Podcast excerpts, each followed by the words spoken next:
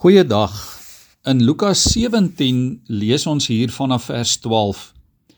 Toe Jesus in 'n sekere dorpie wou wou ingaan, kom 10 melaatse mans hom tegemoet. Maar hulle bly op 'n afstand staan en hulle roep hard: "Jesus, Here, ontferm U oor ons." Toe hy hulle sien, sê hy: "Gaan wys julle vir die priesters." Op pad daarheen het hulle gesond geword en een van hulle het toe hy sien dat hy genees is omgedraai en God hardop geprys. Hy het voor die voete van Jesus kom neerval en hom gedank. Hierdie man was 'n Samaritaan nogal. Toe sê Jesus: "Was daar dan nie 10 wat gesond gemaak is nie? Waar is die ander 9 dan? Is daar niemand anders wat omgedraai het om God die eer te gee behalwe hierdie man wat nie eers 'n Jood is nie?" En vir hom sê Jesus: "Staan op en gaan huis toe. Jou geloof het jou gered." Liewe vriende, waarskynlik het hierdie 10 manne toe hulle na Jesus toe aangeloop kom, het hulle geskreeu: "Onrein, onrein." Hierdie waarskuwing was nodig omdat hulle siekte mense weggedryf het. Daar was groot sere en knoppe op hulle velle, karbonkels op hulle gesigte en Hulle ledemate was afgestomp. Melaatsheid, weet ons, was 'n hoogs aansteeklike siekte. In vers 14 sê toe Jesus hulle sien, sê hy: "Gaan wys julle vir die priesters." En op pad het hulle gesond geword. Die melaatses het die betekenis van die opdrag baie goed verstaan. Hulle het geweet net die priesters kon hulle gesond verklaar en die stigma rondom hulle menswees omkeer.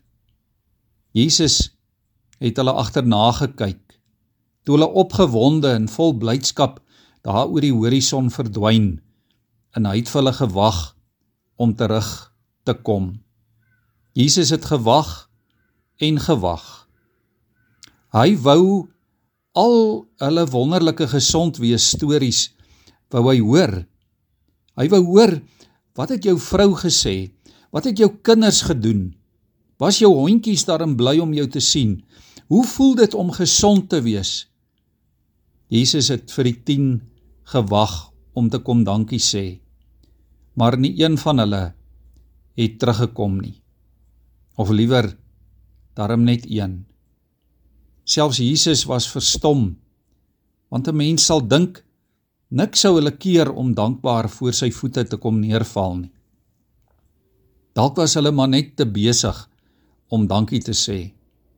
Dalk het hulle beplan om dit te doen, maar hulle moes eers vir hulle familie en die dokters en die honde en die bure gaan opsoek en hulle self vir hulle wys. Party was dalk te versigtig om dankbaar te wees. Hulle was skrikkerig om te bly te wees. Hulle was dalk te bang om te hoop.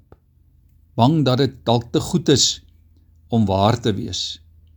Miskien was sommige van hulle vieserig omdat hulle nou weer moes begin werk en hulle verantwoordelikhede by die huis nakom en 'n rol in die gemeenskap moes speel. Ander was dalk te vol van hulle self. Hulle het dalk gedink dat hulle in elk geval gesond sou word sonder Jesus. Miskien was hulle te besig of te versigtig, te selfgesentreerd, te arrogant dalk. Ja te veel mense in ons wêreld ly vandag daaraan. Allerhande redes hoekom ons nie dankbaar genoeg is nie. Ons is immers elkeen self ook genees deur Christus se verlossing. Daarom liewe vriende, mag ons omdraai op die pad van selfgenoegsaamheid om 'n lewe van dankbaarheid voor die Here te lewe. Kom ons buig ons hoofde in gebed voor hom.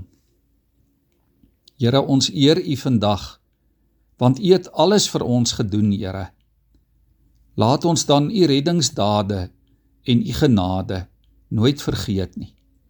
Laat ons omdraai, Here, in die rigting van 'n dankbare lewe. Amen.